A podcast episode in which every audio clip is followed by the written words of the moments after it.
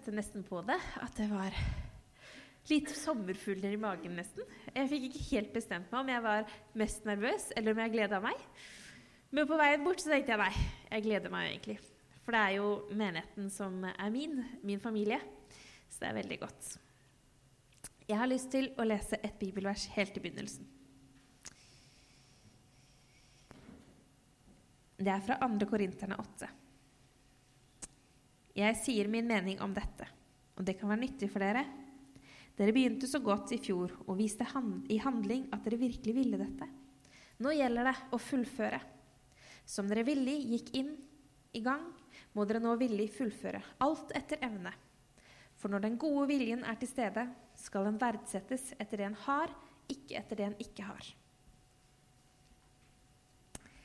Kjære far, jeg ber om at du skal være her nå sammen med oss. Jeg ber om at eh, du skal hjelpe meg til å si det som du har lagt på mitt hjerte. Og jeg ber Gud om at eh, det skal få lov til å være for noen. Jeg takker deg for at vi har et godt fellesskap hvor vi kan få lov til å tilbringe tid med deg. Amen. Min overskrift i dag, som det sto der i stad, det er 'Der ingen skulle tro at noe kunne gro'.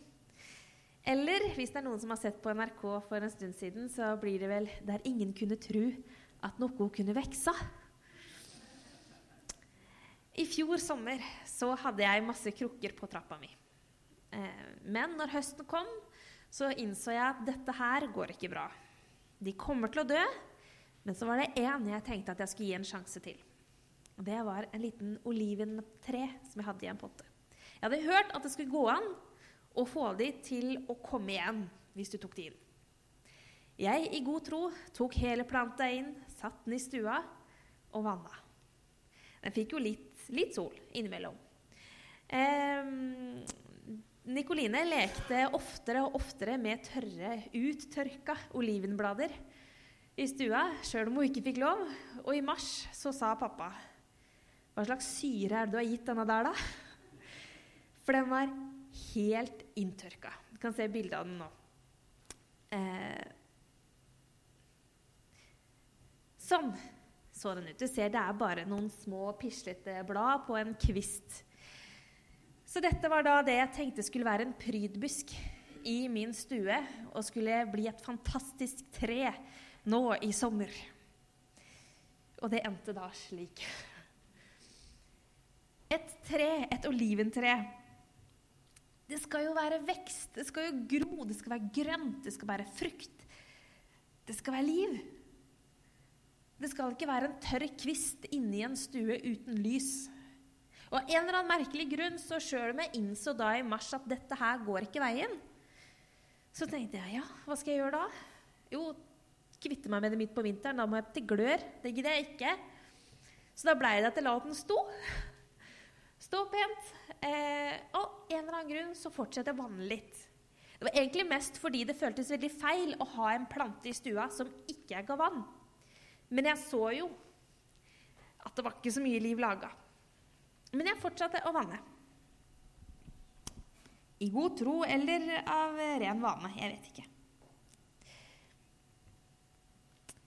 Men et oliventre skal jo egentlig vokse. Det skal jo egentlig ha blader, det skal ha vekst, og du skal gjerne ha litt oliven hvis du er heldig. Men identiteten til oss mennesker, det er gjerne kjernen i oss. Hvem vi egentlig er. Det handler jo om vår forståelse av hvem vi er, og hvordan vi møter andre.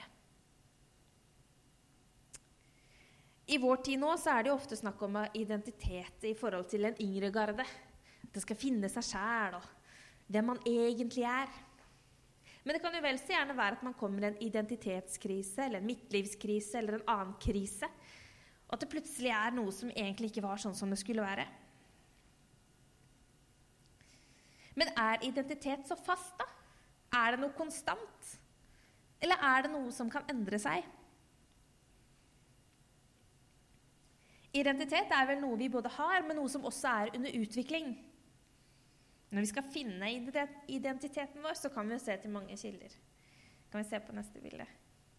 Vi kan gjøre som Oi, den glemte jeg. Det var det oliventreet hadde sett for meg. Neste. Ja. Narkissos. Det er fra gresk mytologi. Det var en flott ung mann som skulle finne sin identitet. Hvem er jeg? Så fikk han bildene, se bildet av seg sjøl i vannet og ble så opphengt av det vakre vesenet han så, at han rett og slett ble sittende og døde. Så opptatt var han av seg sjøl. Derav narsissismen. Jeg tror nok ikke det er en heldig måte å skulle finne hvem vi er på. Men allikevel så er det jo noe med det som kanskje stikker litt allikevel. Fordi jeg kan i hvert fall kjenne meg litt igjen i det. Fordi jeg kan bli så opphengt i hva jeg skal være. Hvem er det jeg er? At jeg egentlig ikke helt klarer å løfte blikket litt. De tingene rundt oss påvirker jo også hvem vi identifiserer oss med. Hvem er det vi er? Jeg for min del skal være en god mor. Jeg har lyst til det. Jeg har alltid vært en positiv og glad jente, så jeg må jo være det også, eh, syns jeg. Jeg har vært full fart siden jeg var bitte liten, og pappa pleier å si det hvis jeg syns noen er litt sidrumpa, så pleier pappa å si men husk på det. Det er ikke alle som har tendenser til flere bokstaver som meg og deg. Det er ikke alle som har like mye energi. Så nei da, det går fint. Men det er liksom noe med, noen ting vi identifiserer oss med. Men hva gjør det da med meg at jeg må innse at jeg har begynt å få grå hår? I denne her fløyen her sånn begynner det å bli såpass at Yngvild kommenterte det her om dagen. Hva gjør det med meg at jeg nå innimellom kjenner at jeg er skikkelig sliten? At jeg er ikke bare positiv og glad. Jeg er heller ikke bare full fart. Jeg er ganske dau når klokka begynner å nærme seg 11, og jeg må fortsatt ta kjøkkenet før jeg kan starte på en ny dag. Jo, da kan man jo se litt i seg sjøl. Er det det den jeg er? Jeg rydder de samme lekene hver dag i de samme kurvene. Jeg tar ut og inn av oppvaskmaskina av den samme oppvaskmaskina minst to ganger om dagen. Jeg legger ungene til samme tid. Og kanskje en ting som endrer seg, at jeg kanskje ser neste episode i Netflix. Ikke den jeg så i går. Men ellers går det mye i det samme. Er det det jeg er? En sånn autopilot som bare går og går og går? Eller er det noe annet som sier hvem jeg egentlig er? Jeg koser meg masse. Jeg gjør det. Men det var kanskje ikke helt det jeg så for meg likevel. Vi skal lese fra 1. Johannes 3. Se hvor stor kjærlighet Far har vist oss. Vi får kalles Guds barn. Ja, vi er det. Verden kjenner oss ikke, for den kjenner ikke ham. Mine kjære, nå er vi Guds barn, og det er ennå ikke åpenbart hva vi skal bli. Men vi vet at når Han åpenbarer seg, skal vi bli lik ham, for vi skal se ham som han er. Enhver som har dette håpet til ham, renser seg slik Kristus er ren. Mine kjære, nå er vi Guds barn, og det er ennå ikke åpenbart hva vi skal bli. Her er det jo snakk om hva vi skal bli den dagen Jesus kommer tilbake igjen. Og det er ikke åpenbart for oss ennå. Men det vitner om at vår relasjon til Gud I den relasjonen så ligger det en endring i gjære. Det kommer en endring som ikke vi vet hva vil innebære. Men i den relasjonen er det også varsla om at det kommer til å skje en endring. Er det ikke da en litt banal tanke at jeg skal tenke at jeg skal ha en identitet som skal være meg gjennom hele livet? Selvfølgelig må den også endre seg ettersom ting skjer rundt meg. Det handler ikke bare om hvem jeg vil være, og hva jeg er, men det handler også om hvor jeg er i livet.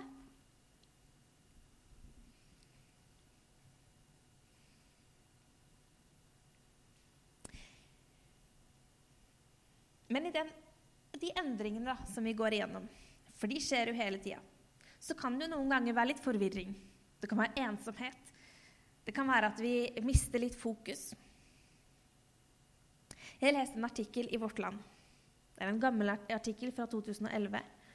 Det handler om en ung jente som eh, hadde hatt eh, store deler av tenåra sine i et sterkt kristent miljø. I menighet, organisasjonsliv og hele pakka. Og etter noen år, når hun ble 1920, så kjente hun at hun gikk på veggen. Da møtte hun en skikkelig krise. Fordi hun hadde jaga så etter å bli mest mulig lik Jesus og mest mulig perfekt kristen at det ble for mye. Så hun prøvde å ta sitt eget liv, for hun sa 'jeg klarer det ikke uansett'. Heldigvis så ble hun redda. Hun fikk god behandling, og hun skriver litt om samtaler hun hadde med en sykehusprest. Og de vil jeg lese litt fra nå. Sykehuspresten er referert. Der står det Vi er ikke perfekte, og det er helt greit. Vi skal ikke være perfekte, heller ikke fri for synd. Det er jo det som er de gode nyhetene. Jesus levde det livet vi aldri kommer til å fikse, slik at vi kan få hvile i Hans nåde om at Han har gjort alt sammen ferdig. Han sa det selv. Det er fullbrakt. Dette budskapet som skal sette fri. Isteden binder det tenåringer og voksne i lenker, og det kan ta, fra, ta flere år før man kommer ut av det. Det er jeg så enig i. Men litt lenger ned så skrev samme dama at uh, nå har jeg funnet ut at det handler ikke om Nå handler livet mitt om at Gud er Gud, og jeg er jeg. Vi er separate. Og jeg skal aldri prøve å bli lik Gud. Det var hennes konklusjon. At da var det ikke noe vits å prøve, fordi man ikke fikk det til uansett. Så da kunne Gud være Gud, og så kunne jeg være jeg. Der er jeg ikke like enig. For jeg mener at han har jo sagt at vi skal få lov til å prøve. Vi skal ha han som forbilde. Men poenget er at vi skal ikke klare det for at vi skal forstå at vi trenger han. Og jeg vil ikke leve et eget liv uten Gud, hvor Gud kan være Gud og jeg være meg. Jeg vil jo at vi skal leve sammen, at han skal være en del av mitt liv. Men ellers var jeg veldig enig i det hun sa. Men som jeg sa litt i stad, det handler så fort om hva vi skal gjøre. Hva vi får til, hva vi har, hva vi ikke har. Og Vi skal lese litt fra 2. Korinterne 9. Det blir litt sånn skriftlesning, for det var mye bra på det, syns jeg. Det blei kjempesmått for dere. Men det er 2. Korinterne 9 fra 10. Han som gir såkorn til den som skal så, og brød til å spise, han skal også gi dere såkorn og la det bære rikelig, og la deres rettferdighet bære rikt med frukt. Dere skal ha rikelig av alt, så dere gjerne vil gi. Og han skal takken stige opp til Gud, og så skal takken stige opp til Gud når vi overbringer gaven. For denne tjenesten, denne gudstjenesten, er ikke bare en hjelp for de hellige i deres nød. Den skaper også en overflod av takk til Gud. Når dere trofast har fullført tjenesten, vil de prise Gud fordi dere er lydige og bekjente dere til Kristi evangelium, og helhjertet delte dem med og alle. Og de vil be for dere og lengte etter dere. Fordi Gud har gitt dere denne overveldende nåden. Og Gud være takk for sin usigelige gave. Gud skal jo gi oss. Det er egenskaper og talenter og de tingene vi trenger. Det står jo når dere er trofast har fullført tjenesten, vil de prise Gud fordi det var lydige og bekjente dere til Kristi evangelium, og helhjertet delte med dere. Hvis vi da ser litt i det innledningsverset som jeg begynte med, det er fra 2. Korinterne 8, så leser jeg det igjen og litt til. Der står det Jeg sier min mening om dette, og det kan være nyttig for dere. Dere begynte så godt i fjor og viste i handling at dere virkelig ville dette. Nå gjelder det å fullføre. Som dere villig gikk i gang, må dere nå villig fullføre. Alt etter evne for når den gode viljen er til stede, skal den verdsettes etter det en har, og ikke etter det en ikke har. Det er jo ikke meningen at andre skal få hjelp, og dere har trangt, men det skal være likhet. Denne gangen har dere overflod og kan hjelpe den som er i lider nød. En annen gang har de overflod og kan hjelpe dere når dere lider nød. Da blir det likhet. Slik står det skrevet. Den som fikk mye, hadde ikke overflod, og den som fikk lite, led ikke mangel. Her snakkes det jo om det å gi. Men det som det også snakkes om her, er jo å akseptere når man ikke kan gi, men faktisk å kunne få. For det kan være vel så vanskelig for oss. Jeg syns i hvert fall det. Hvis noen tilbyr seg å hjelpe, eller tilbyr at du kan få noe, eller skal vi gjøre sånn og sånn? Nei da, det går så fint. Ja, jeg skal si fra hvis jeg trenger hjelp, men Men det handler om å være ærlig på hvor man er i de endringene gjennom livet. Og Det står jo om at det vil komme endringer. Noen ganger kan vi få lov til å gi, og andre ganger skal vi få lov til å få.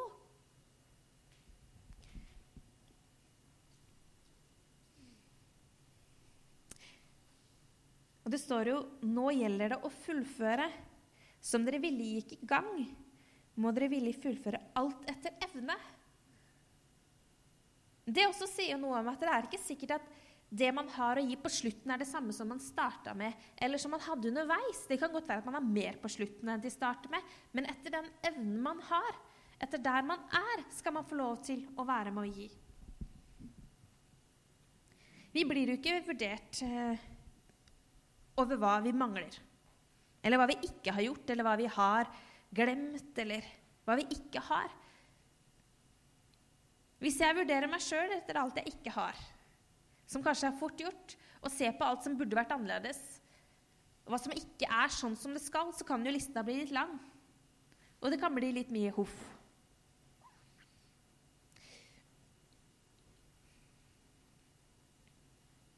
Mange vil nok si at jeg har jo alt, og jeg har mye. Men ingen har alt. Mamma skal flytte nå. Og jeg har spurt om jeg kan få si det. Men alle vet at hun skal nå flytte. For Yngvild, min lillesøster, skal ta over barndomshjemmet og flytte opp dit med sin familie. Og det gjør da at mamma skal flytte i mormorhuset. Et hus på samme tomt, som er mindre. Hun skal flytte fra 200 kvadrat inn på 80 kvadrat. Og det er en prosess. Og midt oppi det her så kom det en overveldende følelse over mamma, som kanskje kom litt overraskende på hvor hun plutselig felte en tåre. Og det var ikke fordi hun ikke vet hvor hun skal gjøre alle skoene sine der oppe. Men jeg vet at det har gitt mye hodebry, det òg. Men det var jo nettopp fordi denne endringen kom så brått. Selv om den har ligget i gjerdet en stund. Men var hun virkelig klar til å flytte i mormorhuset? Og ikke fylt 60 engang? Hva sier det om hvem hun er? Er hun plutselig hoppa noen steg frem? Er hun egentlig klar for det? Og det kom her plutselig en dag. Og Det var jo ikke noe som nødvendigvis skjedde der og da, men det er noe med at det går opp at en endring har skjedd. Hun så at nå er jeg i en prosess som endrer noe. Ikke nødvendigvis negativt. Og det var ikke det at det var noe galt med huset eller noe som gjorde utenfra sånn, men det var noe med at oi, der falt det litt på plass at jeg skal flytte inn i mormorhuset. Og mange ville jo si at ja, men kjære tid, du er jo fantastisk. Du har to flotte barn.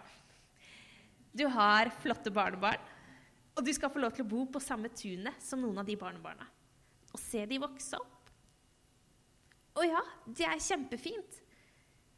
Men det vil ikke si at det er negativt fordi at man kjenner at det er en endring som kanskje oppleves litt annerledes enn forventa. Og da er det viktig at man kan få lov til å anerkjenne at oi, dette kom litt overraskende på. Og ja, det kommer til å bli fint, men det gjør jo allikevel noe med ho å kjenne på den endringen. Og tillate seg sjøl å kjenne på den endringen.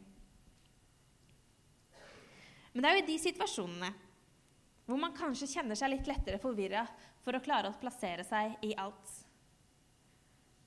Om man har kjent på en endring som har kommet, og plutselig så sto man midt oppi det. Det er da man kan få lov til å lese f.eks. fra Jesaja. Jesaja skriver i 43, 16, så står det Noe nytt skal spire fram. Så sier Herren, Han som gjorde vei gjennom sjøen, en sti i det veldige vannet, som førte vogner og hester, hær og høvdinger uti. Der ble de liggende og reiste seg aldri. De sluknet som når en veke slukkes. Dere skal ikke minnes de første ting, ikke tenke på det som hendte før. Se, jeg gjør noe nytt. Nå spirer det fram. Merker dere det ikke? Ja, jeg legger vei i ørkenen, elver i ødemarken. Ville dyr skal ære meg, sjakaler og strutser. For jeg gir vann i ørkenen og elver i ødemarken, som mitt utvalgte folk kan få drikke. Mitt folk som jeg har formet, skal forkynne min pris. Vi skal ikke nødvendigvis se tilbake på det som har vært, og finne identiteten vår i sånn som det pleide å være. Fordi vi også er i endring. Fordi Gud gjør noe nytt, og Gud er også med i de prosessene. Han er ikke avhengig av at vi skal være på en spesiell måte. Han har skapt oss som det komplekse mennesket vi er, og forventer at vi skal gå gjennom de her tingene. Jeg og Yngvild vi sa til hverandre her for ikke så lenge siden at uh, Yngvild har jo da en mann, Totto, som uh, har en jobb hvor det kreves at han jobber veldig mye på vårsemesteret. Og Niklas hadde nå en periode hvor uh, jeg og ungene fikk mye alenetid, for å si det sånn. Um, og da hadde vi noen dager hvor vi hadde mye alenetid begge to, med begge ungene. Og da har vi funnet ut at da samler vi troppene, og så lar vi de slite hverandre ut. Og så er det lettere å få dem i seng etterpå. Og så ringte jeg bort til oss og sa du, hadde du egentlig sett for deg det her? At vi to plutselig skulle sitte her som to hjemmeværende husmødre med to mannfolk som jobber dag og kveld og natt og dag hele døgnet? Hadde du sett for deg det for fem år siden? Nei, det hadde egentlig ingen av oss. For det var vel kanskje ikke det jeg hadde sett for meg, jeg heller. At jeg skulle være hjemme nå plutselig tre år på rad. Det hadde jeg aldri trodd. Nå begynner jeg å innse at det har skjedd, og det skal vare sånn i et år til. Og jeg gleder meg over det, men jeg hadde ikke trodd det. For det er ikke helt det jeg så for meg at det var meg. Og Yngvild hadde heller absolutt ikke trodd det. For hun var ikke den typen. Det er vel kanskje egentlig Totto som gjør mest allikevel. Jeg veit ikke. Det spøker de med sjøl også, jeg kan si det. Men det er noe med at ting skjer som gjør at vi plutselig befinner oss i en annen situasjon enn det vi hadde sett for oss. Som plutselig føles som at gjør noe med hvem jeg er. At nå er jeg hjemmeværende husmor. 100% Noen ganger 150, virker det som. Men jeg syns jo egentlig det er fint, det òg. Min situasjon er nok ikke permanent. Det kjenner jeg støtt og stadig. At jeg gleder meg også til den dagen at begge ungene kan i barnehagen, og at jeg kan gjøre noe annet. Men allikevel så vil jo det være med meg, det òg. At jeg har fått oppleve det her.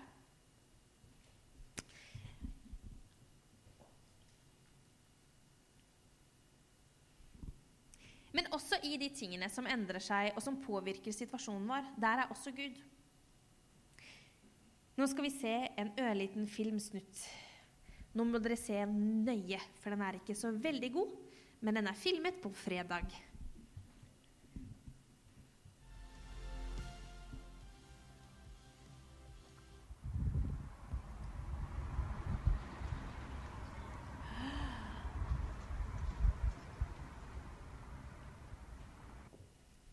Hørte at dere så hva det var. Det er jo et mirakel.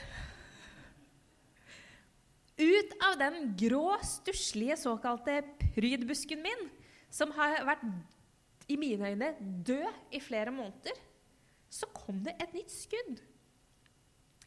Det kom for det første helt uventa i sin helhet. Det kom på et helt annet sted enn jeg hadde tenkt. Men det var til stor glede. Ser det pent ut? Nei. Har jeg håp om at resten skal bli sånn det var før? Nei. Men syns jeg det er stas? Ja. Jeg syns det er kjempegøy. Jeg er litt usikker på en måte eh, hvor, hvor, lenge skal man synes at eh, Hvis det blir det i år, prøver jeg da også til neste år?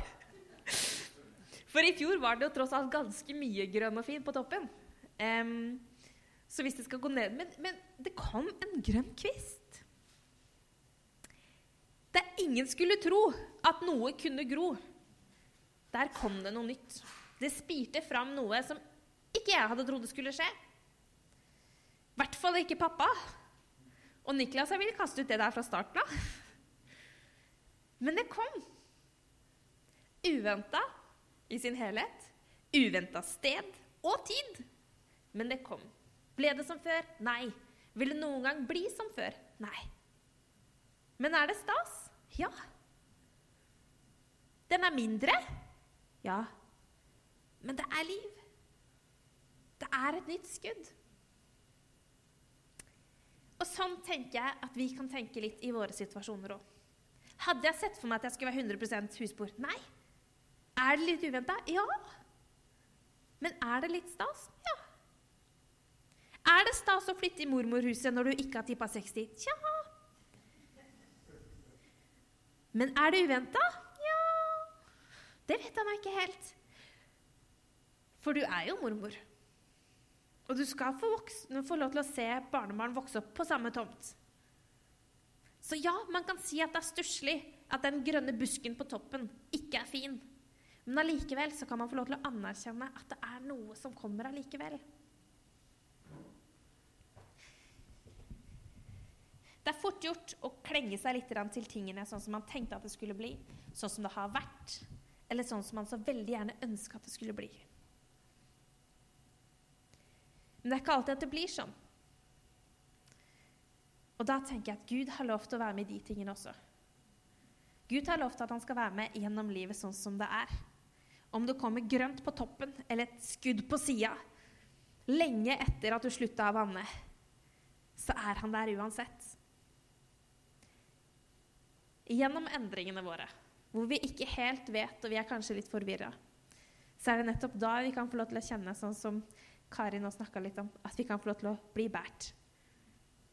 Og så plutselig kommer det et uventa skudd, som vi kanskje ikke helt klarer å identifisere oss med i starten.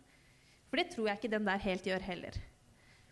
Det var ikke sånn den var tenkt å være fra butikken av, men det er sånn den er nå. Og nå sprer den mye glede i akkurat den formen den er. Og sånn er det med oss òg.